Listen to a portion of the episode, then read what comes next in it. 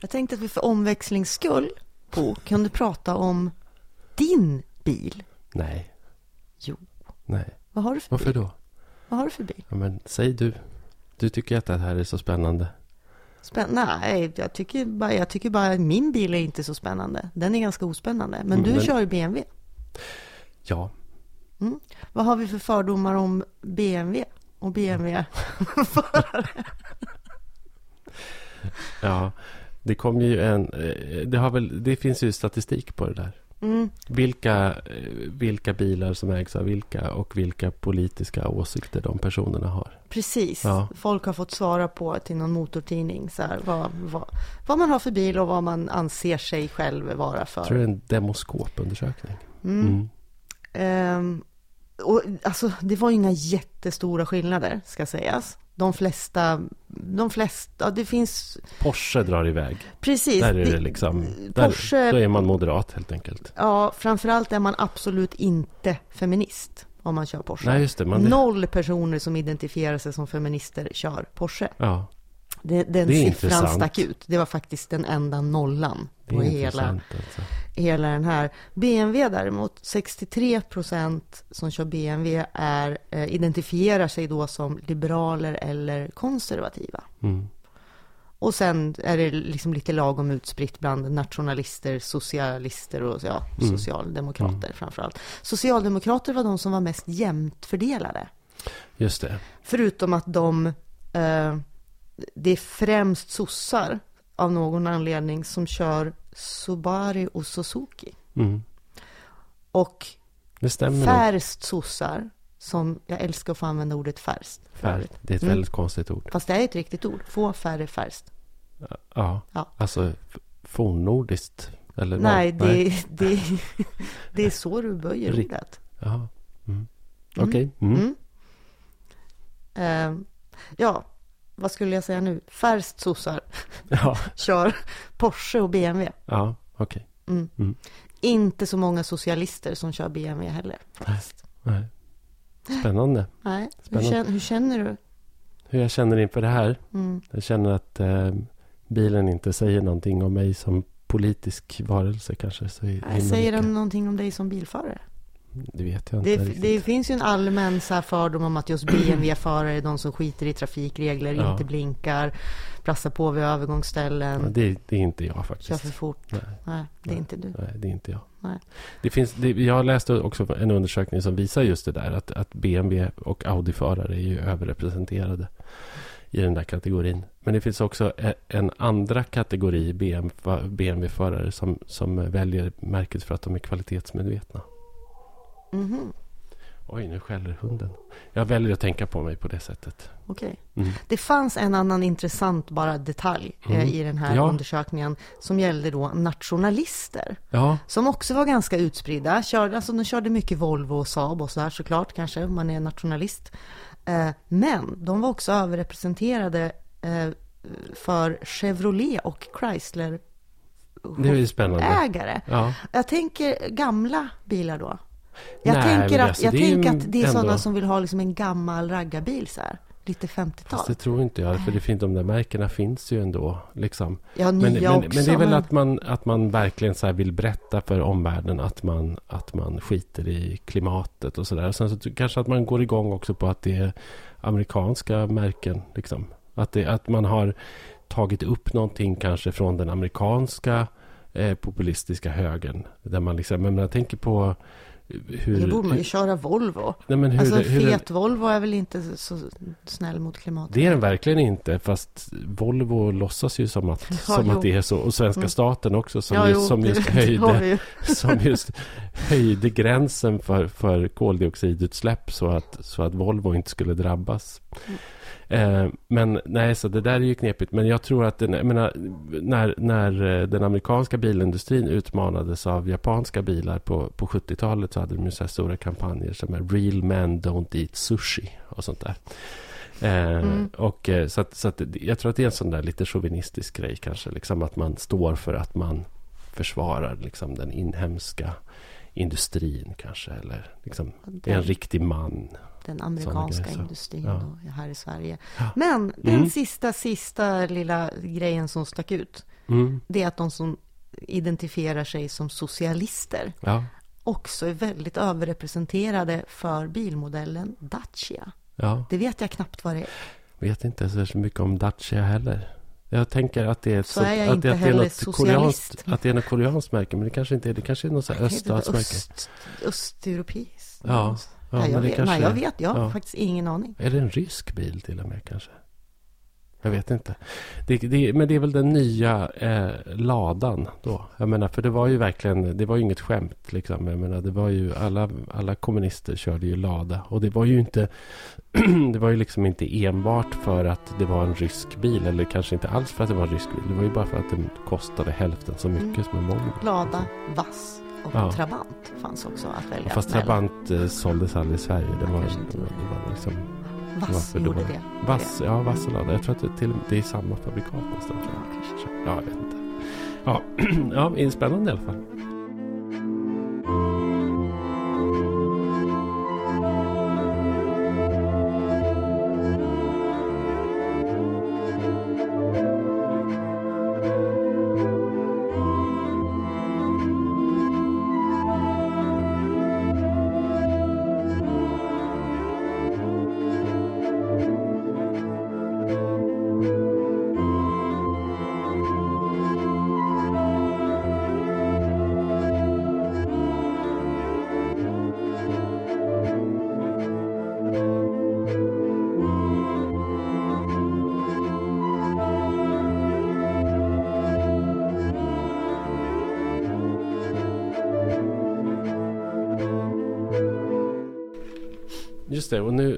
Ju gått ett tag eh, sedan vi poddade. Så då kanske vi ska säga någonting om, säga någonting om det. Vi har bara haft fullt upp, svårt att få till en dag. Ja, ja så är det. Det, När- det har när- hänt mycket som vi har velat prata om. Ja, precis. Vi gjorde avsnitt i oktober tror jag. Och sen så hade vi liksom eh, datum inskrivet att vi skulle och sen så bara... Det, det gick inte. Nej. Vi har så fantastiska karriärer både du och Ja, jag. eller Så, hur?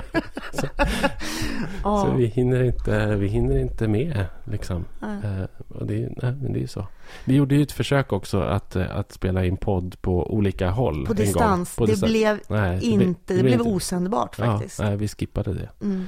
Det var dels tekniskt knepigt men var också, det blev liksom inte kontakt. Nej, det, det, det hördes att vi inte såg varandra i ögonen. Ja, Mm. nej, så att jag tror att det, vi, vi skippade, vi kör på det här sättet. Det är trevligt, trevligt att du är här Sofia. Tack, det Mm. tycker jag med. Mm. Eh, Jag hoppas att eh, ni som lyssnar ska uppskatta att vi nu kör igång. Ja, precis. Och eh, vi tänkte börja med en eh, nyhet som kom Ja. häromdagen. Ja, Att eh, SJ slutar köra nattåg. De som går från Göteborg och direkt upp, ända upp till Kiruna, Narvik. Narvik, nej, Jämtland och, Narvik. Och det, det har att Ja. göra med att Trafikverket har gjort en, eh, alltså man, man har ju upphandlingar av järnvägstrafiken och nu är det då helt plötsligt så att det är ett norskt eh, tågbolag som heter Vy och som ägs av den norska staten som har vunnit eh, då, eh, de här sträckorna. Eh, eller framförallt Från Stockholm och Stockholm, norrut. Narvik. Mm, mm. Och då eh, funkar det inte för SJ att köra nattåg från Göteborg till Stockholm som fortsätter eftersom, jag menar, då, då får man ju ta ett vanligt, liksom, eh, ett vanligt eh, tåg helt enkelt, snabbtåg från, från Göteborg till Stockholm och hoppas på att det passar i tid så att man kan hoppa på det där norska tåget och åka norrut. Det här är ändå otroligt dåligt. Det är Eh, helt fruktansvärt det, det, dåligt. Och det är otroligt dåligt just eftersom den här sträckan, alltså ska man åka från Göteborg Mm. och till Norrland överhuvudtaget. Ja. Det är en lång tågresa. Visst. Det är väldigt bekvämt eh, att kunna göra den på natten. Jag känner Visst. personligen många som Absolut. brukar åka det tåget. Ja. Och det, det, det, och, och det går ju också emot allt prat om, om omställning och, och vi ska tänka klimat och sådär. Och Sen har vi ju alltså parallellt med det så ser vi ju tågtrafiken ökar ju. Alltså Den- antalet passagerare på ökar tågen ju- ökar. Den ökar något hysteriskt. Inte minst Norrlandstågen ökar ju liksom. Alltså, jag, jag som åker jättemycket, och det gör ju du också. Vi, vi, båda du och jag sitter ju och åker den här sträckan längs med kusten. Mm. Liksom, eh, Botniabanan. bo- ja, Mm. och, och ja, neråt då liksom. Och, och, och nu är det ju, det kan ju vara jättesvårt att få tag på biljetter. Alltså ska man resa en fredag eller en söndag till exempel så måste man ju handla biljetter liksom typ två veckor i förväg om man liksom ska få plats på tågen. Ja. Ska, man, ska man boka på kort varsel då får man ju verkligen dåliga tider och sådär. Och alltså, om det finns plats. biljetter, Ja, liksom. ja. Så att, så att eh, det är ju det är så feltänkt. Och sen så kan man ju också koppla den här frågan till den här liksom, problemet med de här regionala flygplatserna runt Mm, om i landet. Flygresandet går ner. Flygresandet går ner vilket ju då får till konsekvens att en lång, en lång rad, faktiskt merparten av de regionala flygplatserna i Sverige går med brakförlust. Eh, och eh, därför att flygandet minskar. Och det är ju bra. Och det finns en stor statlig utredning som är försenad som liksom ska eh, komma fram till någonting om, om den här liksom ska fortsätta subventioneras på det sättet de har gjort tidigare. Det är ett underskott på 500 miljoner kronor sammanlagt på de här regionala Mm. flygplatserna runt om i landet. Vissa funkar ju faktiskt ekonomiskt. Där kan man konstatera att de här liksom inlandsflygplatserna, typ så här Vilhelmina och Gällivare och Kiruna och sånt där. De, de går ju plus därför att Men därför det- att det- därför att dit kan vara det ju inga befo- tåg. Nej, och därför det kan vara befogat Ja. liksom, att, att, eh, att flyga dit. Men, men många andra flygplatser kommer ju vara tvungna att försvinna. Bland annat din närmsta Ja, så- flygplats Sundsvall går Mm. ju, tror jag nästan med, är en av de som går mest förlust i hela landet. Mm, de tappar, tappar mycket. Och, det, och det är ju rimligt. Det är ju bra. Mm. Liksom. Det är ju en bra utveckling. Men då måste man ju också möta upp det med en tågtrafik Som, som, som funkar. Mm. Och det här är ju liksom också ett kärt ämne för oss därför att det är ju fullkomligt obegripligt att man inte har byggt dubbelspår liksom längs med Norrlandskusten än. Det är fullkomligt obegripligt att man inte har byggt tåg mellan Umeå, Luleå och Haparanda. Det är fullkomligt orimligt att man inte trafikerar Inlandsbanan. Eh, och liksom det, alltså allt det här är Ja, och, fullkomligt och orimligt. det, det är orimligt det här också med Inlandsbanan och, och eh, det, alltså det finns ju, det finns ju så att säga eh, järnväg som på vissa platser behöver rustas upp för att man ska kunna eh, börja köra persontrafik på Mm. dem. Nu går det godstrafik med liksom lite sämre hastighet och sådär på vissa. Eh, där man skulle kunna ha persontrafik om man res, restaurerar upp lite. Ja, och då har vi inte ens börjat diskutera behovet av att faktiskt flytta över saker från långtradare till, till godståg. Nej, Som, vilket ju också är ett jättestort behov. Eh, och där man borde liksom ha statligt, statliga incitament eh, och eh, kilometerskatter så att man liksom eh, långsamt trycker över godset till, till tågtrafik istället för till på, på liksom Mm. eh, fjärrlastbilar. Så att allt, allt det här är fullkomligt galet. Men det som provocerar allra mest är ju att Trafikverket ska hålla på och leka marknad. Liksom. Och, att, och, och att det fjantiga i det här sammanhanget då är liksom att SJ ganska nyligen vann en upphandling på tågtrafik i Norge. Där de är in och stökar och kör tåg. Liksom, samtidigt som då norska statens järnvägsbolag vinner en upphandling i Sverige och ställer till det med våra tidtabeller och, och vår tillgänglighet. Liksom. Och inte till vilken nytta? Och det är också så här, jag vet inte om du har åkt de här nattågen på länge? Eh, jag åkte nattåg en gång i fjol från... Fast nej, det var inte det, men det Nej. var från Malmö och norrut. Ja, för jag åkte, från, jag åkte förra vintern åkte jag Boden, Söderhamn. Eh, och det är ju jäkligt sjaviga tåg alltså. Mm. Är, de är Mm. fruktansvärt slitna. Och det är väldigt dålig komfort. Ja. Liksom. Ja, Och, eh, sunkigt. och, och det, det Äh. rimliga här är ju liksom att svenska staten eh, genom faktiskt SJ eh, tar ansvar för det här. Eh, och man behåller de här sträckorna, man rustar upp de här sträckorna. Man eh, investerar långsiktigt i nya tågvagnar, vilket man bara kan göra om... Jag menar, för den här upphandlingen då löper över, eh, vad, är det? Fyra år Fyra år tror jag. Och som är möjlighet att göra någon omförhandling efter två Ja. år eller någonting. Och jag menar, och på de fyra åren så gör man ju inga investeringar. Så att jag menar, det här norska tågbolaget som nu går in och kommer köra den här, de här sträckorna med befintliga tågsätt. Alltså de, de, de kommer inte köra med andra tåg utan de kommer köra med de tåg som hittills har gått. Det vill säga de här sunkiga gamla SJ-vagnarna. Och det är klart att de inte kommer göra några som helst investeringar i bättre komfort eller, eller liksom bättre standard eller bättre mat på tågen eller någonting sånt. För det har de ju ingenting för. Därför att efter fyra år så kommer de ju antagligen förlora den här upphandlingen till något österrikiskt bolag som ska in och kriga liksom med lägsta pris. Alltså det är så dumt, så dumt. Är det inte det? Jo. Ja. Vad säger du som... Jag kommer inte att komma med några Nej. så här marknadsliberala argument emot det här, för jag tycker att staten ska ta ett betydligt större ansvar för infrastruktur, och då menar jag all infrastruktur, inklusive eh, post, eh, inter, alltså internetinfrastruktur. Mm. Ja, jag tycker att det är statens ansvar. Det, det ska fungera. Det är ju för övrigt också en sak som har hänt medan vi eh, inte har poddat. är ju hela det här Postnord. Ja, oh, Jesus Christ. Alltså hela det mm. haveriet som har visat sig att Postnord är i princip konkursfärdigt. Ja. Mm. Bara liksom... Det, är ingen, det kommer ju inte som en överraskning. Alltså Postnord har väl, har väl haft, eh, har väl gått dåligt länge och det har varit nedskärningar i Danmark ja. och det har varit, ja. Ja, det är en lång historia. Så, så det är en lång och historia. Är Maud Olofssons men, fel. Men det vi vet, det vi, det vi kan vara överens om är ju att ingen ingen tycker att Postnord är bra. Nej, men det skulle ju kunna vara. Men liksom... Ja, men ingen tycker att det fungerar bra. Ja, själva huvudproblemet med Postnord och själva huvudproblemet med den här typen av liksom upphandlingar som Trafikverket ägnar sig åt också, eller överhuvudtaget upphandlingar av liksom samhällstjänster på det här sättet, är ju att eh, det, som, eh, det som då det som går att privatisera lyfts ur liksom, och, och, blir lönsamma delar. Alltså typ om, om, du provar, om, du, om du öppnar för privata aktörer på postmarknaden till exempel så kommer privata aktörer ta liksom, de marknadsandelar som är lönsamma och som befinner sig i förtätade områden. Och sen så kommer då liksom eh, Postnord var tvungen att trafikera och liksom sköta samhällsservice i massa olönsamma delar här, av landet. Det här har jag lite dålig koll på. Därför att vi hade ju posten ändå, mm. det statliga, postverket först, posten. Mm. Eh, och när det sen avreglerades så att man släppte in andra aktörer på marknaden. Ja. Det kom något så här Citymail och ja, ja, det kom lite sådana här små... Det var regeringen Ja, precis, mm. precis.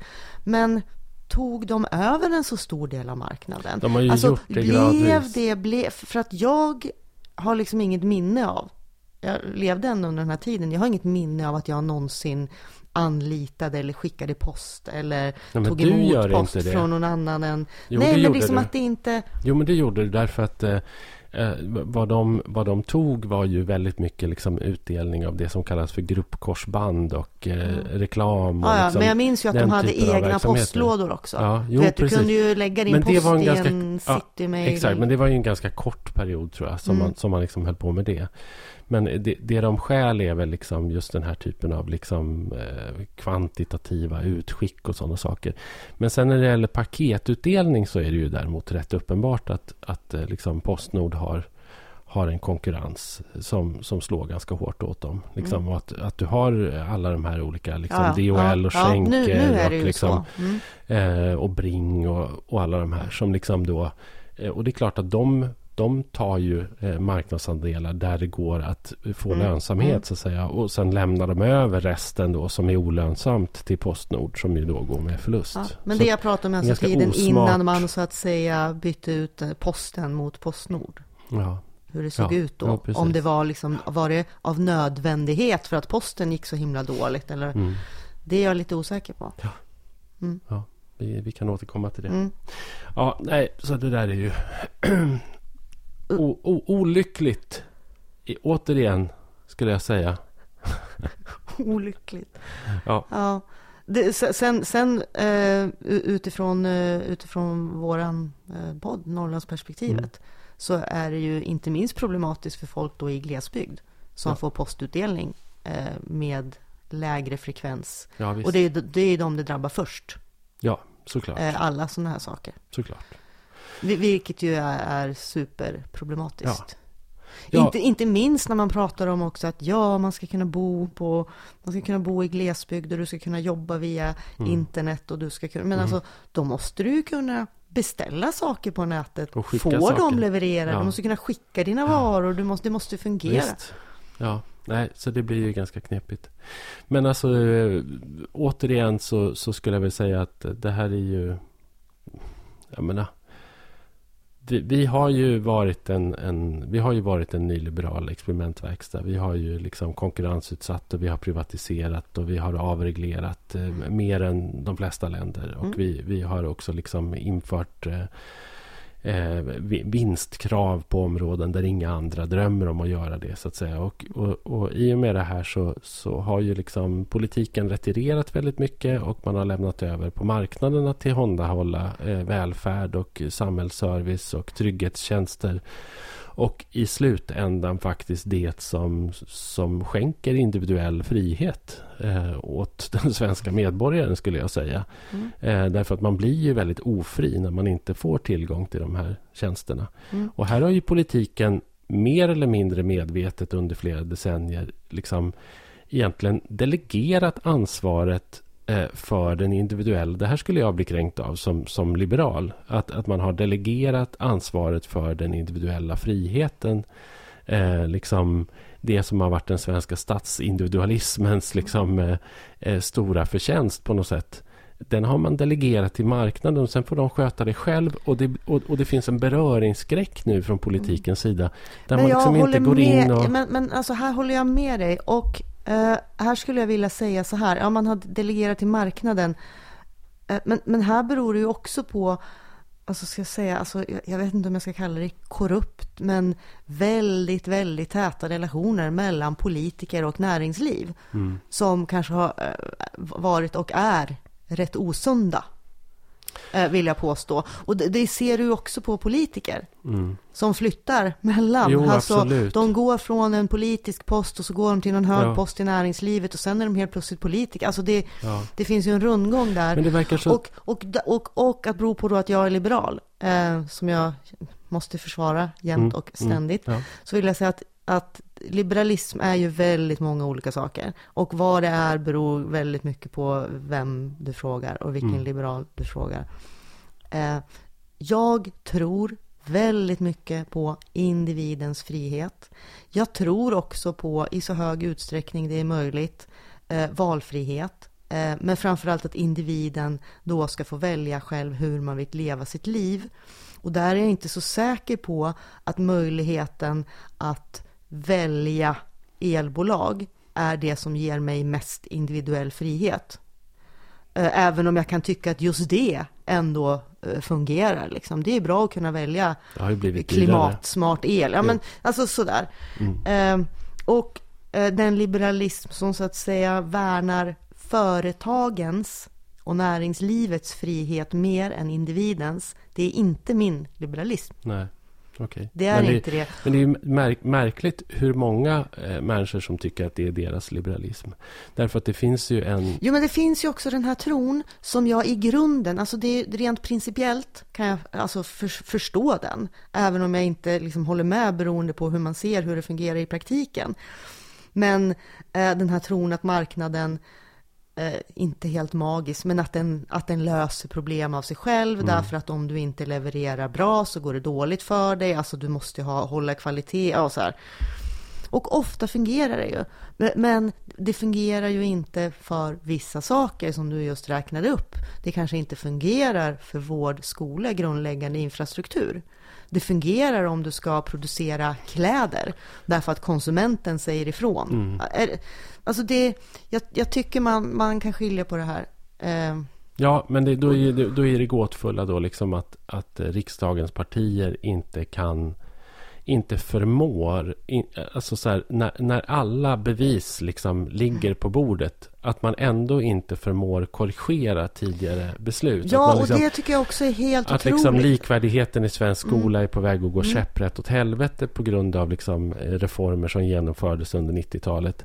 Eh, och att man inte kan rulla tillbaka dem, att man inte kan ta tillbaka makten utan mm. att man tvärtom faktiskt liksom är på väg att gå in i frihandelsavtal som ger internationella bolag rätt att stämma mm. den svenska staten för uteblivna framtida vinster ifall vi då liksom bestämmer oss för att nej men nu ska vi sköta vår mm. postutdelning själv eller nu ska vi, nu ska vi liksom eh, men, men, men, nu ska här, vi ha skolor utan vinstkrav. Liksom. Men, här är det också så här och det här tror jag eh, om vi kopplar det åh, kanske lite långsökt. Men vi kopplar till, till Sverigedemokraternas framgångar. Ja. Som ju beror på, tror jag, väldigt mycket att folk saknar en eh, stark stat. Alltså man vill ha någon slags, ja, man vill, Mm, Ja, ja, men, men så tror jag. Man tycker liksom att nu, nu har vi, man tycker staten har tappat greppet, man har ingen koll på någonting längre, ingenting fungerar. Det finns en sån bild. Mm. Jo, jo, så. det- ja, Mm. jo. Och så vill man ha liksom återta den starka staten. Och man pratar ju också då om folkhemmet, alltså på den tiden när staten var väldigt stark. Så. eh, och så att rent opinionsmässigt så finns det ju verkligen stöd för att återta eh, statlig kontroll över delar där man inte längre har kontroll. Och, ja, men, och där finns det ju även, tror jag, även liberaler börjar ju ifrågasätta friskolereformen, alltså skolsegregeringen. Jag har till och med sett moderater göra Ja. det de senaste dagarna bara. Eh, Ja. vilket, vilket är intressant. Men just Sverigedemokraterna är ju ett ganska dåligt exempel eftersom deras ekonomisk-politiska talesperson har liksom gått varenda kvällskurs han har kunnat gå hos Timbro och Svenskt Näringsliv Jo, jo, och, och det basunerar, ut, den, väljarna- det basunerar ut den typen av politik. Och de i riksdagen inte tagit ett enda beslut Jo, i den men det riktningen. vet vi, både du och jag, att det är inte därför väljarna röstar på dem. Nej, nej. Nej. Vi ska återkomma till Sverigedemokraterna, men jag tänkte vi, vi som irrar iväg här. För att, för att eh, det, det Ja. fanns ju liksom näraliggande eh, frågor som vi, som vi skulle prata om.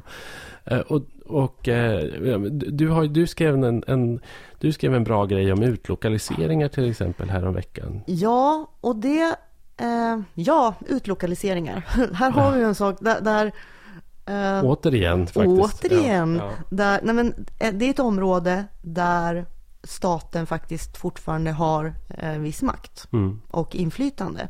Nämligen över statliga myndigheter. Mm. Hur de ska fungera och var de ska eh, ligga rent fysiskt. Mm. Och det var ju också ett av de mer konkreta förslagen som fanns med eh, i landsbygdspropositionen ja, visst. för ett par år sedan om och som jag och- tror att det också finns faktiskt en, en, en eh, liksom samsyn kring Mm. i, bland januaripartierna. Mm. Eh, och det var ju alltså att det skulle bli 10 000 nya statliga jobb Mm. eh, ute på landsbygden. De jobb som hittills har utlokaliserats, Mm. de har ju alltså hamnat på ställen som liksom Växjö, Göteborg, Högskoleorter. S- Sundsvall, Ja, som redan har massa statliga Mm. myndigheter. visst. Och samtidigt skär man ner i den riktiga glesbygden. Mm. Eh, Det här exemplet är då från Ramsele som har en eh, del av Riksarkivet. Riksarkivet är utspritt på många Mm. olika orter. En del ligger i Ramsele. Eh, Jag tror de har 24 anställda. Välfungerande verksamhet. Mm. De har liksom en del av Riksarkivets verksamhet som fungerar. Och nu ska de skära ner. Eh, De ska ta bort, jag tror det är 15 tjänster. I Ramsele. Ja. Och, och det här. Hälften av dem, eller ett antal av dem, ska flyttas från Ramsele till Fränsta. Som ju alltså också är en liten ort Ja. som behöver statliga jobb. Det Ja. ligger i Ånge kommun. Ja. Så att för Fränsta är det jättebra. Men att man, här ställer man alltså två små glesbygdskommuner ganska nära varann Mm. emot varann. Då förs de där jobben som hamnar i Fränsta upp på det där kontot, det där pluskontot då av utlokaliserade jobb fastän de försvinner någon annanstans ifrån. Men här har vi ju sett eh, att, att när myndigheter ska spara eller effektivisera eh, så, så vill de ju, jag menar det har ju Arbetsförmedlingen gjort, Skatteverket var ju jättebråk om de här nio olika eh, skattekontoren som skulle försvinna. Mm. Eh, att, att man går emot eh, egentligen liksom regeringens uttalade vilja. Eh, och man kan tydligen göra det också utan några liksom, större Mm. Men det stoppades bekymmer. ju då när det gäller skatte, Det, just det skattemyndigheten. stoppade. Det var ju Patrik Oxenens förtjänst. Jag skojade bara. Mm, i det här, i- men, men, men i det här fallet då, så Riksarkivet finns ju, man har bland annat eh, huvudkontor i Stockholm, där man har haft under längre tid, vad jag förstår, stora ekonomiska problem. Mm. eh, även i Göteborg. Eh, och man har också flyttat, man har alltså bytt lokaler i Stockholm vilket har medfört så här dubbla hyreskostnader under en längre tid. Så här. Och därför har man fuckat upp ekonomin och nu drabbas Ramsele. Mm. Och dubbla hyreskostnader i Stockholm är ju ganska mycket Precis, pengar. för det, för hyran, det är faktiskt i, en, hyran i Ramsele är nog gissningsvis relativt Mm. låg. även lönerna skulle jag Ja, tro. ja. Och, och det här är också en viktig aspekt eh, när det gäller utlokalisering. Att myndigheter i Stockholm alltså, är ju dyrare i drift. Mm. Både, Visst. både när det gäller lokalkostnader och eh, lönekostnader. Ja, visst. Så det. Så det vore ju en besparing för hela samhället så att säga om vi, om vi flyttade Ja. ut det. Och, Ja. och i Ramsele som, som ju, kan vi säga då ändå ligger i Sollefteå, som är en av de här glesbygdskommunerna där man faktiskt jobbar ganska strategiskt och metodiskt för att få in nytt folk, Mm. eh, välkomnar om det finns som ganska Ja. välorganiserat sätt. Och det är en att- ort som har drabbats väldigt, Mm. drabbats väldigt, väldigt hårt kan man säga. Sollefteå. Och, Sollefteå. Sollefteå som- kommun är ju fruktansvärd, de har Ja. tappat allt. Ja, och, och, och, och snacka och liksom förlust av offentlig närvaro. Mm. Liksom militären och eh, liksom hundskolan och eh, allt vad det är. Liksom. sjukhuset. Nu Ja. jobbar de ju återigen på att få tillbaks militären. Ja. Mm. Just det. Ja. Det, det hoppas jag ju på. Mm. Mm. Nej, men, men det, jag, det jag stör mig av med det här eh, utlokaliseringen, det är också det här när man, just det här att man, att det blir en grej mellan två små kommuner. Mm. Ja. Att, man, att man ställer dem emot varandra. För det, och det vet jag, för att jag har ju flyttat då från att ha bevakat då just Ånge, där Fränsta Mm. ligger, till att nu bevaka Ångermanland, där Ramsele ligger. Mm. Att det, det blir ju, alltså de börjar ju hacka på varandra. Alltså de i Ramsele börjar ju tala om vad de tycker är dåligt i Fränsta. Ja. Riksarkivet i Fränsta, de kan inte det här och det här. Och samma från Fränsta. Alltså det, Mm. att det uppstår den typen av helt onödiga slitningar. Mm. Ja, nej, det är illa och återigen eh, ett bevis på liksom en slags eh, politisk passivitet. Men jag tror också att det har att göra med såklart en, en föreställning som finns om att staden eh, liksom per definition automatiskt de facto alltid är mycket mer effektiv på något sätt. Att det liksom är att ska man åstadkomma rationaliseringar och kvalitetshöjningar och sådana saker. Då är det i staden man kan åstadkomma det. Eh, och ska man, ska man spara ner på verksamheter så ska man alltid centralisera verksamheterna. Det, liksom, det finns en sån slentrianmässig föreställning tror jag som verkligen spökar här. Mm. Sen- Sen, en, en, eller helt, men en lite annan aspekt, det är ju det här man pratar om, ja men Stockholm ska Mm. vara så bra, för där finns det folk och där finns det Ja. arbetskraft och sådär. Men jag menar, väldigt många som flyttar till Stockholm för jobb gör ju det lite mot sin vilja också. Mm. Alltså människor börjar ju känna en aversion mot att ge sig in i Mm. bostadsmarknaden på Stockholm, pendlingsavstånd, alltså hela det, men de känner sig tvingade för att det är där jobben finns. Ja, visst. Så, så att det där är ju lite grann en myt också. Att Stockholm som, som så skulle vara så mycket attraktivare. Och där, vi kan ju bara nämna där att nu har liksom de här utflyttningssiffrorna från Stockholm, det har ju vänt. Eller ja, de två senaste åren nu, andra året i rad, så är det fler som flyttar från Stockholm än till Stockholm. Ja, det- och det rör sig om marginellt, det är ett par det in- hundra det- personer. ja, det in- Hälften av dem flyttar till Det är kranskommunerna. inom Stockholms län Ja, ändå. Men att det är ändå, alltså Stockholm är inte det mest attraktiva som finns för alla människor.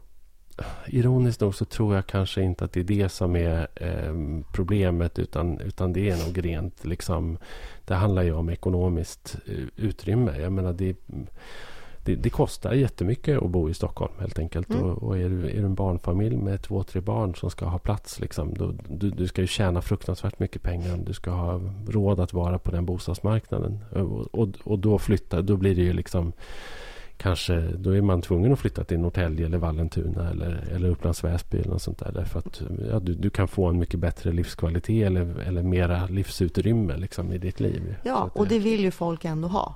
Ja.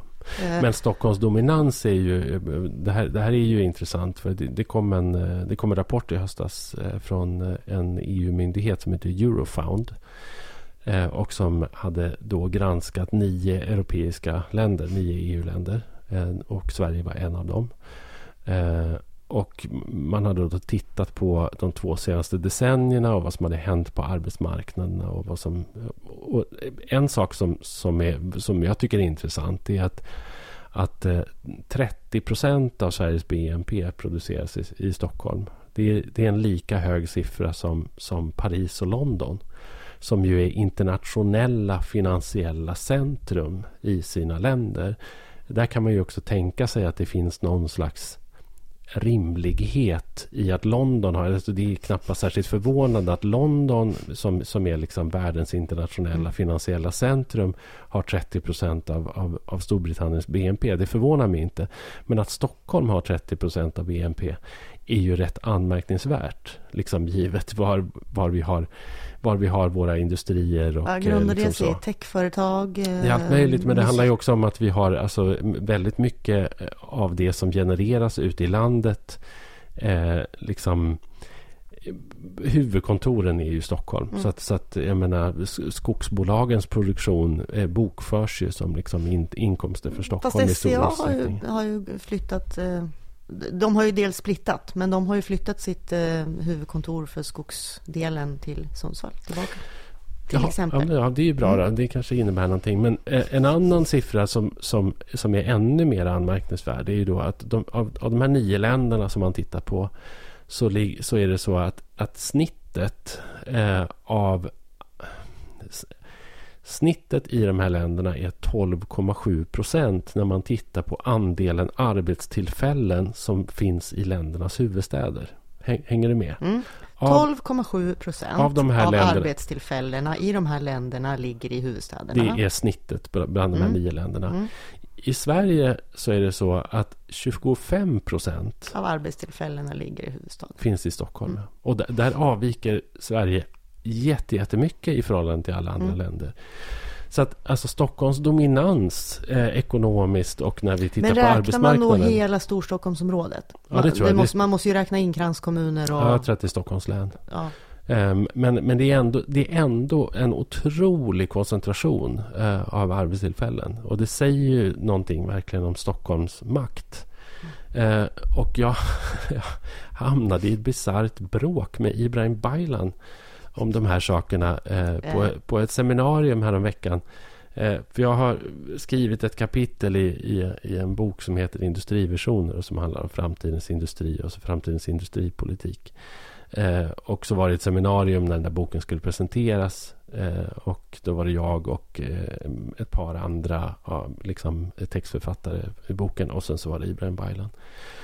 Och jag har ju då såklart skrivit om stad och land och jag har ju skrivit om Stockholms dominans. Eh, och det är ju så att, att nu när, när vi pratar om svensk industri så säger man nu att nu är vi på väg in i eh, industri 4.0. Jag hatar det jävla punkt 0. Jag tycker det är så jävla lökigt. Mm. Eh, men den fjärde vågens industrialisering eh, sker nu i Sverige. Och industrin, alltså framtiden för svensk industri ser ju ganska ljus ut. Alltså vi ligger ganska bra till och det liksom sker ganska mycket teknisk utveckling och innovation och, och sådär. Men det sker ju också väldigt mycket centraliseringar, rationaliseringar, mekaniseringar och sen så liksom nu AI, robotisering. Mm. Eh, vilket ju då gör att... Det blir inte fler arbetstillfällen. Det blir, det, nej, det blir inte fler arbetstillfällen, men det blir lite nya arbetstillfällen. Men då kan man ju också konstatera att de arbetstillfällena, de kommer ju inte de orter till gang där de här industrierna då traditionellt ligger eller har legat eller där råvaruuttaget sker eller, eller så. Utan, utan de jobben hamnar ju i, i någon urban Stockholm. miljö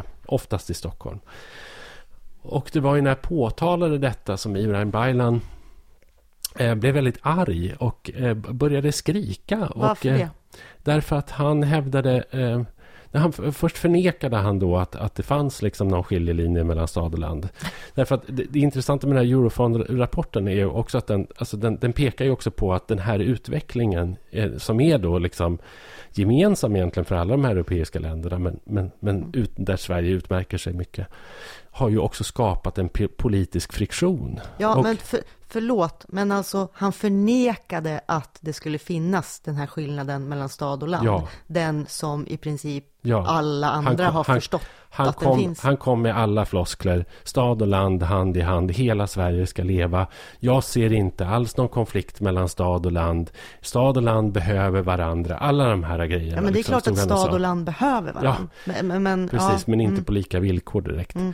Eh, så att han stod och sa de där sakerna. Och när jag sen då replikerade på det så sa jag att jag tycker att det är anmärkningsvärt att du tonar ner den här konflikten. Och det var då han blev jättearg och sa att jag la saker i hans mun och att eh, och, ah, och, vi alla tyckte nog att det var en ganska konstigt. Eh, man märkte på publiken började också skruva sig därför att han förnekade att han hade sagt det där fast å andra sidan ville han inte ta tillbaka det. Och jag tolkade det som att han som näringsminister eh, sitter där liksom i, i klistret på något sätt. Därför att han, han måste ju bejaka den här fantastiska eh, innovationshastigheten och liksom AI-robotiseringen och liksom eh, och, och, och industri 4.0 samtidigt som han då liksom Känns det inte som om det är väldigt många ministrar vi har på olika departement som sitter i klistret jo. och är väldigt bakbundna gentemot kanske sina grundideal eller anledningen till varför ja. de gick in i politiken. Ja. För att... Men han hade ingen som helst lust att problematisera detta utan, utan framtiden var ljus, det här är jättebra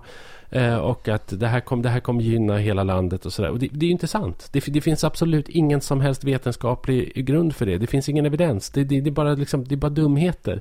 Och eh, att han blev arg tolkade jag bara som en slags deflektion. Att han att han eh, helt enkelt bara inte ville prata om detta. Det här var, det här var för jobbigt. Därför att det, för, det, det, det går, han kan inte hantera detta helt enkelt. Så att jag tyckte att det där var, jag tyckte det var lite rafflande. Eh, liksom eh, och, och, och, samtidigt är det ju liksom det duggar ju tätt nu all, alla liksom, vittnesmål och rapporter som pekar på liksom kommunernas kris och särskilt landsbygdskommunernas kris. Det är ju mm. liksom... Eh, jag var på... det, ju, det, har ju faktiskt börjat segla upp som en nästan lika stor fråga som, ja men inte vet jag, brott och straff. Alltså nu på senare tid har det ju blivit väldigt väldigt ja. viktig. Därför att kommun, alltså det handlar ju grundläggande om det som står alla människor närmast. Så det är klart att det är viktigt. Mm. Skola, också, vård och omsorg. Jag var också talare på en konferens där Magdalena Andersson pratade efter mig och hon höll en, en, en dragning om svensk ekonomi. Och så sa hon lite så här en passant liksom att ja, 2026 så kommer svenska kommuner ha ett underskott på 90 miljarder. Mm. Och tre dagar senare så utbröt det här stora eh, liksom, parlamentariska bråket där vänsterpartierna allierade sig med Vänsterpartiet mm, allierade sig med M och KD mm. för att liksom höja eh, statsbidraget till kommunerna Eh, de ville ge 10, eh, sossarna ville ge 5 och det blev 7,5 i, i en ändringsbudget. Ja, de höjde det med 2,5. Ja, och, och mm. ingenting av det här är ju tillräckligt. Och det vet ju Magdalena Andersson eftersom hon två dagar tidigare hade stått och sagt att det saknas 90 miljarder 2026. Så, att, så att det, det, det, är också jättekonstigt. Och där, där tolkar jag det som att vad hon vill göra som, som, som finansminister är att på något sätt hålla statens räkenskaper Eh, för sig. Därför att då kan hon uppvisa liksom väldigt positiva siffror. För, för att statens, statens budget är, ser ju rätt hyfsad ut. Liksom, om man inte räknar in eh, Liksom, Kommunerna och välfärd, regionerna. Om man inte räknar in välfärdsleverantörernas eh, ekonomiska kris, det vill säga kommunernas och regionernas kris. Då, då ser ju statens budget fin ut. Och då kan hon liksom stoltsera med det som finansminister. Att kolla här vad bra det är. Liksom. Och sen skicka ut så lite pengar som, möjligt, som det bara är möjligt liksom, i det kommunala systemet. Fastän behovet är fullkomligt astronomiskt. Mm. Eh, kommer att bli, alltså vi ska ändå säga det. Eh, det är många som krisar nu, men det ja. är ju inte jättekris. Det börjar komma så att säga och det kommer Nej, att eskalera. Men sen kommer det också förslag. Eh, jo, bara nämna det. Det, här. Ja. Eh, det är någon statlig utredning som pågår som ska presenteras eh, sista februari. Men det har läckt ut då eh, att eh, mindre kommuner som väljer att eh, slå ihop sig eh, ska få sina skulder avskrivna. Alltså staten ska ta över deras skulder. Mm. Har, ja. har, du, har du någon tanke om, om det? Alltså för, eh, för det första, vad är det staten tjänar på att ta över de här kommunernas skulder? Ja, det tycker jag är oklart. Visst är det väldigt oklart? Alltså grejen är att det kanske de i slutändan måste göra ändå, skulle jag säga. Eh, de, de, jag menar, staten kommer ju förr eller senare ändå att ja, vara men vad, vad man gör, ta, det, det, blir ju liksom att man kanske då i, i och med det här, eh, å ena sidan belönar kommuner som har, som har misskött ekonomin. Alltså som kanske har haft möjlighet att ha bättre balans.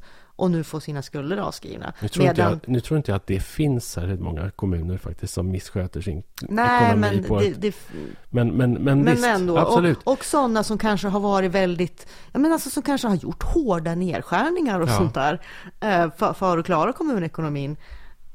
De, har, de får då inget de incitament? De får ingenting för det. Nej, precis. Nej. De får inget nej, incitament. Det, det, nej, så det är intressant. Det, men sen tycker jag det är en annan intressant sak ja. med det här förslaget.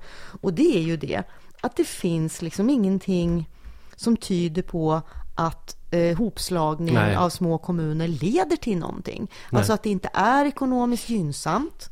Eh, framför, och framför allt så är det eh, dåligt demokratiskt. Och det finns det så forskning på. Eh, alltså det finns en professor då vid Centrum för kommunstrategiska studier som heter mm. Gissur Erlingsson. Mm. Som har analyserat kommunreformer i flera olika länder. Gått igenom vad som har hänt. Och det, liksom, det han då drar slutsatsen det är att, att eh, på det stora hela så ger det nollresultat ekonomiskt och minusresultat eller nedslående resultat i demokratiskt perspektiv. Mm. Och att det skapar eh, lokala spänningar mm. mellan centrum och periferi. Oh ja. ja. Och, och, så här, och, den inblick jag har i det där och i liksom kommunutredningens arbete, för jag har gått på några möten och seminarium och sånt där. Det är väl att eh, man inte riktigt har gått fram. Jag blev förvånad när jag hörde om det där, alltså det som läckte ut. Jag, jag blev, därför att det jag har hört inifrån den här utredningen är att de inte har trott på det där. Möjligtvis så kan det finnas vinster för ett fåtal mindre kommuner i förtätade delar i Sydsverige att gå ihop. Eh, där kan det funka eh, därför att det finns inte särskilt stora geografiska avstånd. Du kan, det kan det bli liksom ett demokratiskt underskott på grund av det. Men de kommuner som verkligen behöver hjälp och som krisar idag. Om man tittar liksom då på äh, så här, Vilhelmina, Dorotea, Storuman, Sorsele, Lycksele. Så här, det går inte att slå ihop dem därför att därför du kan inte samordna den samhällsservicen i alla fall. Du kommer ändå vara tvungen att ha vad du kan möjligtvis göra är ju att, att eh, då laborera med olika typer av kommunförbund eh, och med eh, det som har diskuterats i den här utredningen, det vill säga att man kan tolerera en viss asymmetri. Alltså, alltså till exempel att en kommun eh, har en överförmyndarnämnd och att två, an, två angränsande kommuner köper den tjänsten av den nämnden. Eller bygglovshandläggning eller mm. miljöprövning eller sådana saker. Alltså den typen av, som nu alla kommuner enligt kommunallagen måste ha då. Mm. Det kan man liksom köpa av varann. Men även där kan det bli demokratiska problem. För vem är det då som vilket, vil, vilken, ja. vilken påverkan har liksom kommunpolitikerna i, i Dorotea på eh, bygglovshandläggningen om den tjänsten köps in av Hoting. Mm. Liksom. Ja, och där ser vi ju inte minst, alltså på de, eh, det här konstaterar för övrigt eh, Erlingsson. Hoting kanske inte är en kommun förresten. Eh, nej, det är det nog inte. Det eh, nej, Erlingsson, alltså han, eh, han konstaterar det här också mm. i sin forskningsrapport, att eh, i de här exemplen som han har studerat, det är i mycket mer tättbefolkade länder. Mm. Och de har ändå de här dåliga resultaten. Och han säger då att i Sverige, och särskilt i norra Sverige, där det är så väldigt mycket större ytor, ja. så att en liten kommun med ett par, tre tusen invånare kanske har en yta som ändå är enorm. Som ett vanligt europeiskt land. Så då land. kommer det att uppstå ännu större slitningar. Ja. Och alltså ska vi säga det, sex av Sveriges tio minsta kommuner ligger i Västerbotten. Mm. Två ligger i Norrbotten. Mm. Nej, och det, där, där funkar det inte. Liksom. Och, det, och, det, och, när man tittar också på liksom vilka, vilka utmaningar som finns framåt när, för kommunerna så, så, är ju, så är ju egentligen eh, en för stor kommunal administration. Visst, det, det är problematiskt ur ett ekonomiskt perspektiv. Men det är egentligen eh, rekryterings bekymren i den offentliga sektorn i Sverige som helhet. Det här var också en sån siffra som jag mm. plockade upp från Magdalena Anderssons eh, lilla dragning där. Då så sa hon att idag för att klara bemanningen i offentlig sektor och liksom offentlig förvaltning så behöver ungefär 25 procent av den arbetskraft som kommer ut på marknaden gå in i offentlig sektor. Alltså 25 procent. Mm, mm. Det är ganska högt. Och det är ju egentligen långt mer än än vad de unga vill. Så att säga. Det finns inte 25 procent unga som vill gå in i offentlig förvaltning eller offentlig sektor. Men 2030 så snackar vi 50 procent i riksnitt som måste gå ut i offentlig sektor och offentlig förvaltning för att klara bemanningen. Och det är alltså kommunsnittet. Sen har du ju då alla de här landsbygds och glesbygdskommunerna där det egentligen handlar om flera hundra procent eh, på, på kommunal nivå. Det vill säga eh, rekryteringsbehovet är enormt mycket större än, de som växer, än, än liksom det antal barn som växer upp och kommer ut på arbetsmarknaden 2030. Så det finns liksom inte på kartan. Det är därför det, alla de här ja, de flesta av de här kommunerna också är väldigt invandringsvänliga. så att säga. Mm. Därför att det är ju det enda sättet kanske egentligen att klara den här rekryteringskrisen. Men där är, ju också, där är ju också staten ganska nedslående när de, när de fattar ja. sina beslut. Det är så här som, eh, nu har Migrationsverket fortsätter ju att kapa och kapa och kapa. Mm. Eh, och nu har man då bestämt att man ska lägga ner, eh, till exempel då i Sollefteå, som har tagit emot ganska många. Mm. Och framför allt i Junsele har man jättemånga nyanlända. Men nu ska man lägga ner boende där och så ska man flytta de här till Kramfors eller Örnsköldsvik. Mm. Och Kramfors är ju då också en kommun som har tagit emot ganska många och kanske inte riktigt har, har kapacitet för fler just nu. Mm. Medan Sollefteå, de vill ha kvar de här människorna i Junsele. Mm. Och de har dessutom jobbat stenhårt i Junsele med integration. Alltså det har också blivit en sån sak där hela samhället har engagerat sig mm. i de här eh, nyanlända. Mm. Och fått dem att komma in eh, i mm. samhället. Men, och, och argumentet skulle vara att eftersom Migrationsverket har sitt kontor i Kramfors mm. så blir det för långt för handläggarna att åka från Kramfors till Junsele mm, när de måste träffa alltid, de här klienterna. Ja. Och då var det också någon som sa från Junsele, men alltså de är ju aldrig här nu heller. Alltså vad, vad, vad, är det här? Ja. ja. men jag tänker, nu, nu verkar det också liksom bildas någon ohelig allians som, som vill reformera eh, arbetskraftsinvandringen till Sverige. Vilket, vilket ju kan finnas ett behov av, det, det vet inte jag. Men en reform som man skulle kunna införa där det är ju att faktiskt att, att villkora det här uppehållstillståndet som man får då som arbetskraftsinvandrare om man bosätter sig i en kommun där det faktiskt finns ett reellt behov av kompetens. Inte bara att man hamnar i liksom Rinkeby eller, eller liksom eh, någon, någon förort till Göteborg och blir slav i, i, i liksom någon slags eh, skum, eh, inte fan vet jag, liksom så något, något Nej, det är väl det man har pekat på som liksom. problemet. Förutom de här ja. då i liksom hög, högkvalitativa branscher som i techbranschen och sådär, där har man ju några. Men sen har man ju det här flertalet. Det flertalet hamnar i, ju liksom i, precis. Ja, väldigt långt, uh. väldigt långt ner mm. på, på liksom hierarkin på arbetsmarknaden. Mm. Så det där är liksom... Eh, läste du den här artikeln om eh, Bjuv?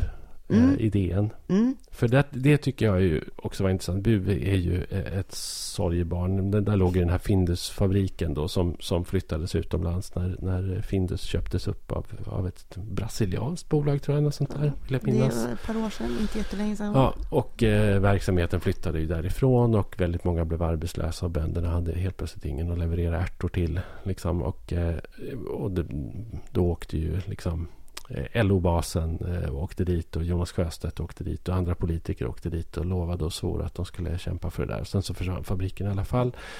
Och nu har Eh, nu har då liksom den här tidigare eh, S-märkta arbetarkommunen svängt och blivit en SD-kommun istället. Så att nu är det liksom ett SD, ett SD, en SD-styrd kommun.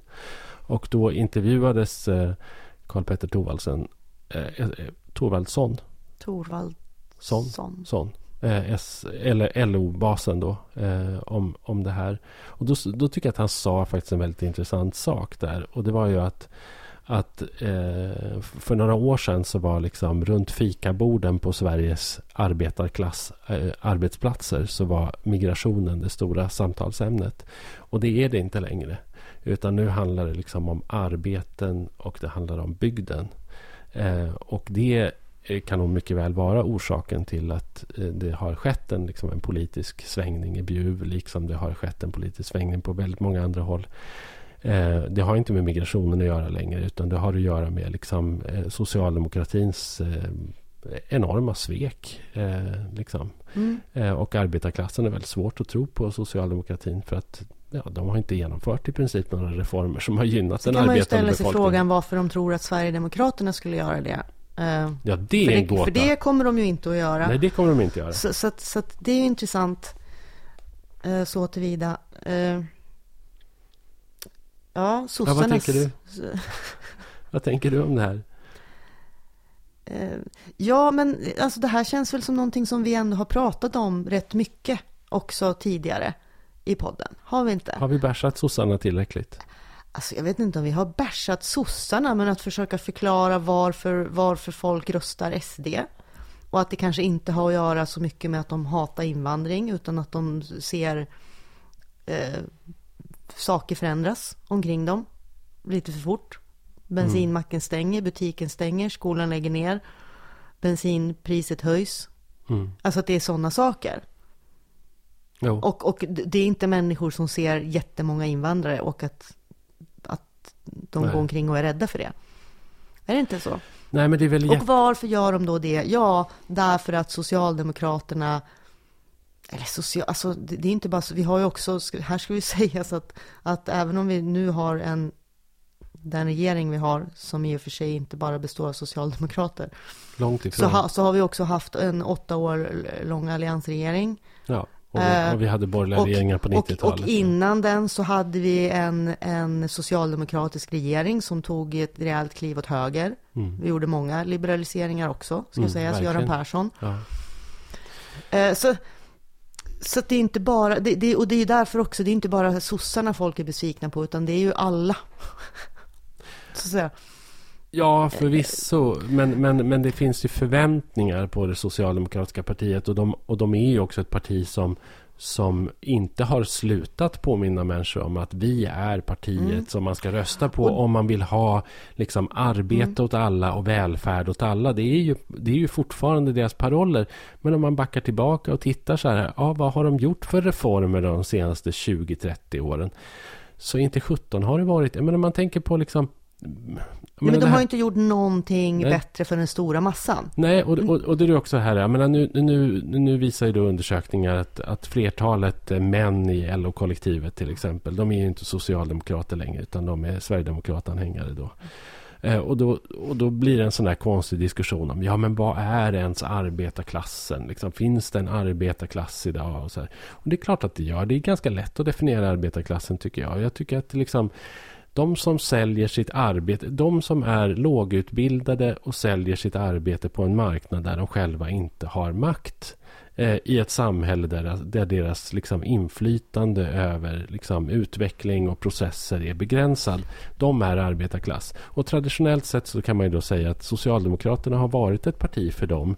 Därför att Socialdemokraterna har då drivit eh, liksom, eh, politiska processer som har gjort det bättre för det här tysta eller, eller liksom maktlö, i någon mån maktlösa kollektivet. Eller man har, mm. som det stod i maktutredningen 93, eh, liksom att från... Det, det, det, så det, här, det här är ju liksom en lång historia, men men det finns en formulering i den här maktutredningen 93 som jag, som jag alltid så får ryser av när jag läser. Då, då, står det på ett ställe att från att ha betraktat sig själva som en arbetarklass med makt ser man sig nu som en medelklass utan makt. Eh, så det var liksom glidningen på 90-talet. Mm. Idag tror jag att man vill kanske definiera sig som arbetarklass igen och man söker olika sätt att hitta en maktposition.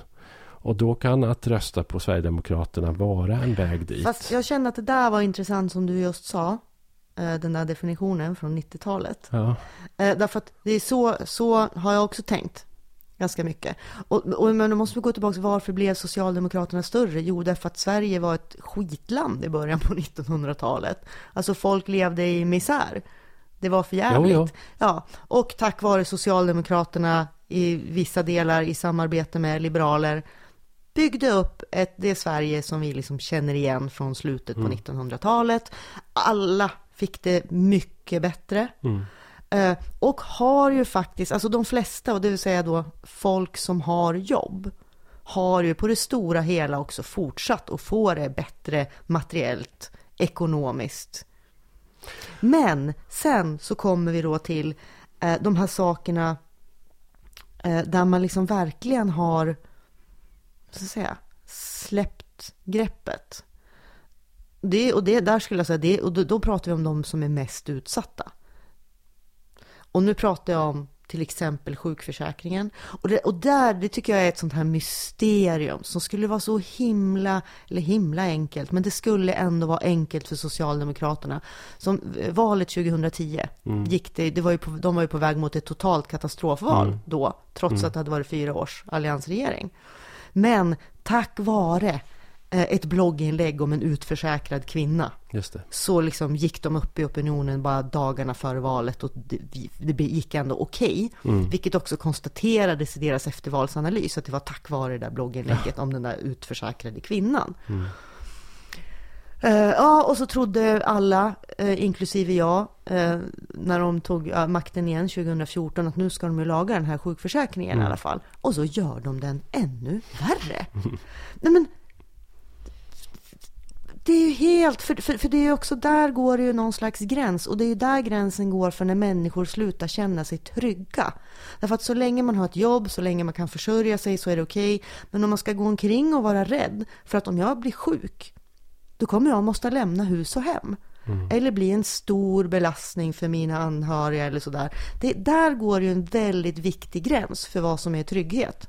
Det, det gäller ju samma med att bli arbetslös. Mm vissa situationer då, om du har en viss typ av yrke och är uppnått en viss ålder, mm. så är du ganska illa ute om du blir arbetslös också.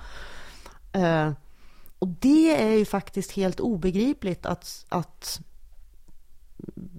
att Socialdemokraterna inte, fatt, inte fattar, eller, eller, eller fattar de det? Va, va, alltså, ja, nej, är, ja, de, det, det är de bakbundna? Ja, liksom, är de ju, hotade av någon som står liksom är det, någon som... det kan man ju undra ibland. Men Karl-Petter Thorvaldsen säger i den, där, i, i den där intervjun, också i DN där, så säger han så att säga, men jag tycker det är bra att samtalet har svängt, att det nu handlar liksom om bygden och om arbete och om trygghet. Därför det är ändå saker som går att åtgärda politit, politiskt. Där, där kan, eh, Sverige, där kan liksom Socialdemokraterna leverera. Bostadsmarknaden. Och, och, då, och då skulle man kunna ändra det. Problemet är ju nu att nu sitter ju då Socialdemokraterna bakbundna av januariavtalet och om man tittar på den politik som de förväntas leverera enligt, enligt januariavtalet så är, så är ju det den mest högervridna politiken som, mm. som Sverige har sett sedan regeringen Bildt i början av 90-talet. Det är ju, det är ju ett flertal liksom enormt långtgående marknadsliberala reformer. Det är avreglering av, av, av bostadsmarknaden, eller av, eh, införande av marknadshyror, avreglering av, av eh, arbetsrätt.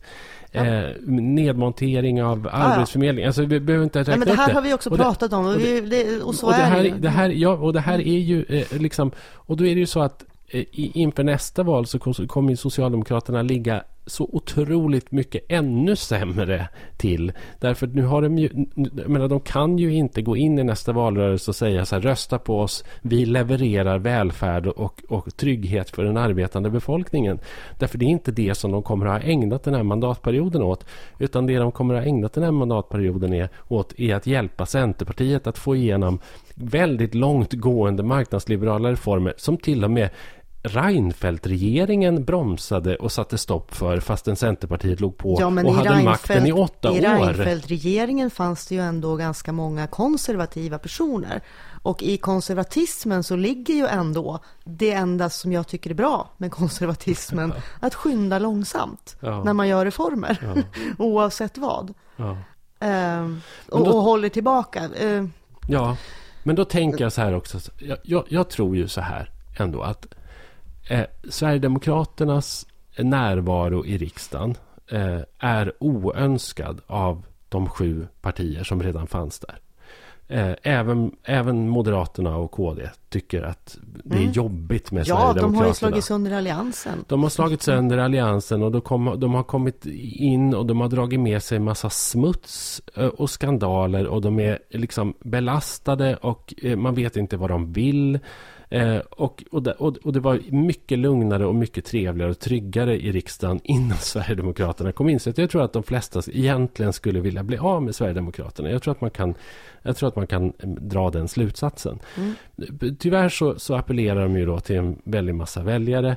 och då måste eh, partierna ha strategier för att hantera det här och för att liksom inte tappa allt för mycket till, till Sverigedemokraterna. Och då tycker jag att det är intressant att tänka på hur de här strategierna ser ut. Och då tycker jag så att eh, från mitt sätt att se det så känns det som att Socialdemokraterna, KD och Moderaterna har ungefär samma strategi. Det handlar om att lägga sig ganska nära Sverigedemokraterna, acceptera deras problemformuleringar och i någon mån faktiskt ägna sig åt någon slags överbudspolitik. Liksom. Så här, vi, vi kan minska invandringen ännu mer, vi kan eh, skärpa reglerna ännu mer, mm. vi kan införa ännu mera kontrollsystem och vi kan eh, liksom ha ännu mera lag och ordning och så, ska, och så, så liksom försöker man på något sätt minska friktionen i samhället eh, med hjälp av lag och ordning och polis eh, och regelverk istället för eh, andra metoder. Och sen så har vi den andra strategin som då finns liksom till vänster, som, som kanske liksom Vänsterpartiet, delar av Miljöpartiet och delar av socialdemokratin också står för, som är liksom kanske någon lite mer eh, långtgående analys som handlar om tilltagande ojämlikhet i samhället och som har skapat då en känsla av mm. otrygghet och som har drivit människor i famnen på Sverigedemokraterna. Och så tänker man att om vi minskar den här ojämlikheten i samhället så kommer också liksom väljarflödet till Sverigedemokraterna att minska. Men så, så har vi då de här partierna i mitten, de här liberala partierna då. Eh, partiet Liberalerna och Centerpartiet och delar av Miljöpartiet skulle jag säga som också är väldigt liberalt. Eh, och vad, vad är deras strategi? Eh, den, från mitt perspektiv så känns det som att deras enda strategi är bara att tycka att alla har fel. Att man är så otroligt uppfylld av sin egen självtillräcklighet att, man, att svaret på precis alla utmaningar i samhället är mer liberala reformer. Ah. Va? Ah. Det ja, men, är det väl inte. Nej, men alltså det här hur, du säger... Hur vill när, när, när, när du säger så här, ja. att, att den liberala tanken är liksom att, att man tycker att alla andra har fel och själv har man rätt och det tror man så mycket på så man bara ja. kör sitt race. Ja. Det kan det nog ligga väldigt mycket i. Men eh, där menar jag, det har ju de gemensamt ändå skulle jag säga med Vänsterpartiet. Alltså därför att Vänsterpartiets strategi är ju att tro på sin egen, sina egna ideal, sina egna idéer och försöka fortsätta hävda dem. Ja. Alltså inte att alla andra har fel, men alltså grundpremissen är vi tror på ja, våra men, egna idéer. Jo, men det är väl sant för alla partier ja, fast... på den nivån då. Det är väl inget parti som går ut med en politik och tycker att den är fel. Det är inte så, utan man, man, tror, väl, man tror väl på någonting. Nej, men det jag menar är att i praktiken så står ju, så står ju Vänsterpartiet ändå stabilt. Vi har pratat här nu om sossarna. Vart har, vart har, de liksom, vart har Socialdemokraterna gjort av sin själ? Vad vill de egentligen? Mm. Hur, alltså, är de också nyliberala eller vad då? Det har vi pratat om.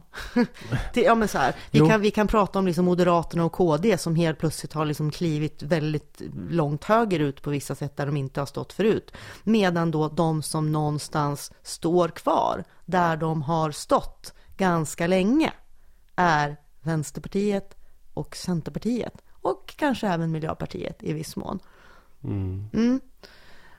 Men och, jag ser ändå och, inte... Jag ser, men okej. Okay, men strategin, och, och, och då ja, menar jag så här. Ja. Men strategin, därför att... Hur ser den det, ut? Jag, det jag, skulle, nej, men jag vill ställa bara en motfråga eh, till ditt påstående, eller ja, motfråga.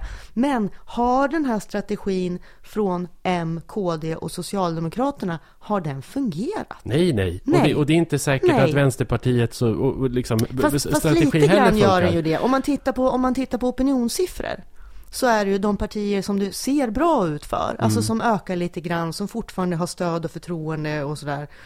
Det är ju, förutom Sverigedemokraterna, mm. så är det ju Vänsterpartiet och Centerpartiet.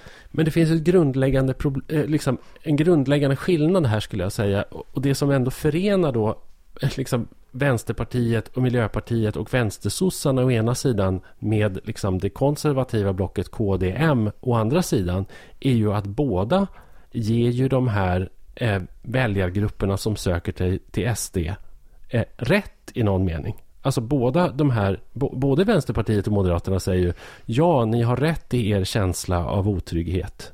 Eh, och vi vill göra någonting åt det. Mm, för så har, eh, så har de olika lösningar. De, de, mm. har olika, de har olika definitioner av otrygghet och de har olika lösningar på problemet.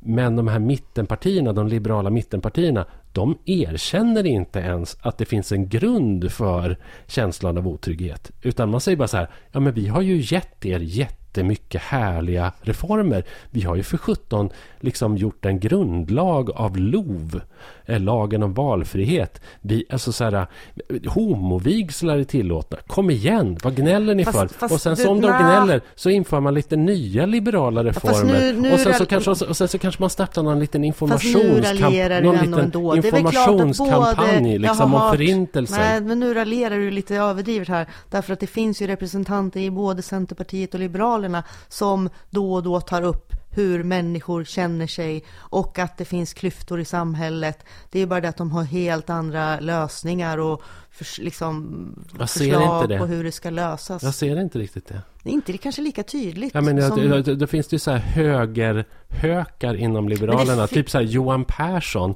Han kan ju prata om no-go zones, zones eller något sånt där. Liksom, därför att han är den typen av, men han är ju den typen av, av liksom liberal som kanske gärna skulle vilja bilda regering med SD. Ja, men- och men- så ser jag väl en, ganska mycket av Liberalerna. En, en del av, av Liberalerna går åt det hållet. Så då, då, men då, då Mm. Alltså skulle jag säga... partiet Liberalerna, vi ska skilja på det här också. Ja, För när men- du säger Liberalerna så menar ju du framförallt Centerpartiet. Ja, men nu pratade jag just om Ja, ja. partiet Liberalerna. Folkpartiet kan vi säga för att förenkla det.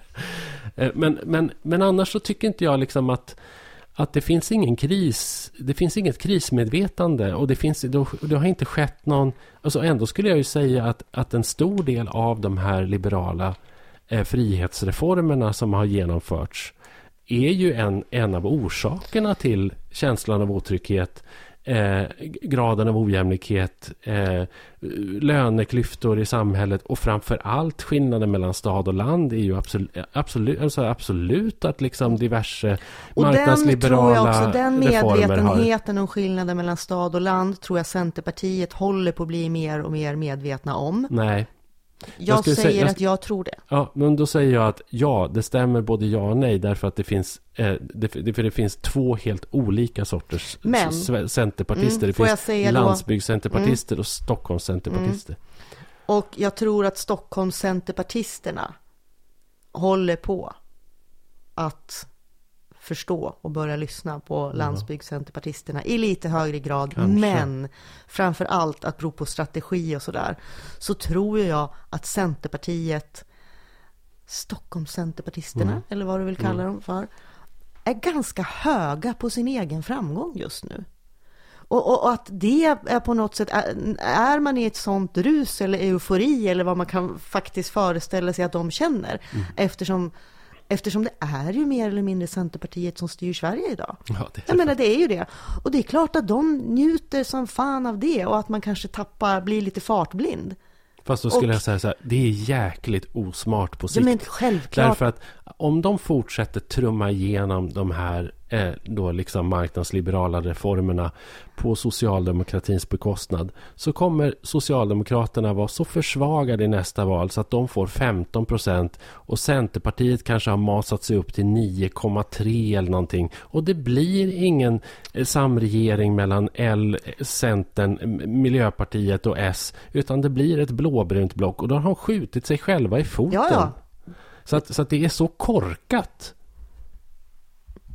Men är det bara de som är korkade då? Alltså jag menar, hur... Nej, alla är korkade i någon mån. Men, men jag tycker bara liksom så här, det, det är intressant och det, det, det var som en ny tanke hos mig ändå. Liksom, vilka strategier finns det?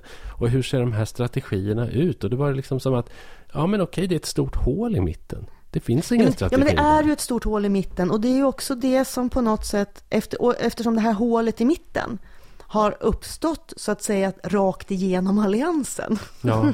Det här hålet i mitten ligger inte mellan vänster och höger utan rakt igenom högern. Mm. Eh, så, så, så, så talar ju det också väldigt tydligt för eh, den här skillnaden då mellan liberaler och liberaler. Det vill säga de liberaler som ändå eh, tycker att demokratifrågor, mota, alltså hålla SD borta från makten, är viktigare än frågor som har med liksom skattepolitik och välfärd och allt annat sånt här att göra. Därför att just nu har vi en fråga som liksom står över alla dem. Och det är att bevara demokratin. Mm. Och så har vi dem på den andra sidan, Moderaterna och KD, som tycker att det är viktigare med makt eller någonting. Därför att om det vore skattepolitik och liberala reformer som vore viktiga för dem så borde ju de också jubla nu och stötta den här centerpartiledda regeringen. Men det gör de inte. Nej. Så vad är deras, alltså ja, de kanske har en strategi, men vad går den ut på? Vad är deras mål med den strategin? Vad är det de vill uppnå? Det är, jag tycker det är otroligt fascinerande Ja. hur Moderaterna och, och KD liksom håller på och ständigt försöker bärsa och, och jag menar, jag fattar ju om de så här i grunden, nej, de vill inte ha en socialdemokratisk regering, men Eh, nu, nu, har, nu är vi också inne i det här, eh, det är väldigt mycket prat om att vi måste prata sakpolitik, det är sakpolitiken Ja, som är viktig och sådär. precis. Ja, men rent, re, sakpolitik. precis, rent sakpolitiskt så, så ville Kristdemokraterna häromveckan fälla regeringen på en fråga som de, Som de har formulerat exakt i sitt, liksom drivit i sitt eget partiprogram. Ja, det är jätteroligt. Och, ja, fast jag tycker inte ens att det är roligt. Jag tycker det här är jävligt upprörande. Jo. Alltså för, för, för det här, eh, alltså är det någonting som kan få mig att liksom tappa totalt så här förtroendet för politiken och att det finns, att den bygger på någon slags ideal varifrån den än kommer, då är det ju s- sånt. Jag menar, där är ju till och med, där, där är ju till och med Jimmy Åkesson ett föredöme när han sitter i lördagsintervjun och säger att han inte ens är intresserad av att sitta i regering. Klart han säger det, han fattar att han kanske inte är riktigt kompetent för det än och att då kommer han att måste ta ansvar. Nej, han, Men, men, han nej, framstod inte som så kompetent. nej, men, men eh, eh, det viktiga är att vi får igenom våran sakpolitik. Ja. Han, alltså, och, och det tror jag att han menar. Mm. Han sitter jättegärna som stödparti åt Moderaterna och KD om han kan villkora det stödet med att få igenom sin politik. Och gissas vad lyckat det kommer bli för hans del. På, på riktigt Ja, det är han som kommer att Ja, vinna på det. Absolut, precis, som att det är Centerpartiet Ja, som vinner nu på, exakt. på den konstellationen. Ja. Men jag tycker också, apropå detta då med, med brist på strategi. Du, du vet Jan Jörnmark, han som har skrivit de här, gjort de här böckerna med, med liksom ruin, ruin Sverige. Liksom. Vet, du, har du stött på honom? Det Nej. var, länge, det var ett tag sedan han höll på med dem, men den var väldigt i ropet ett tag. Liksom. Mm. Han åkte runt. och han är ju ekonomihistoriker. Så övergivna platser. Typ. Ja, typ. Ja, sånt. Ja. Ja, exakt. Ja. Eh, Och han är ju ekonomhistoriker från början eh, i Göteborg då. Eh, nu tror jag han är väldigt upptagen med eh, partipolitiskt arbete. För han är ju med i det här partiet Demokraterna som är emot Västlänken. Och sånt där, så att han håller på med det. Men han, han, han stack upp sitt huvud här eh, för, ett tag sedan och skrev fyra otroligt långa debattartiklar. En serie debattartiklar i Dagens Industri. Och som handlade om landsbygdens kris. Så det var verkligen så här slå på stora trumman. Det här är Sveriges stora kris just nu.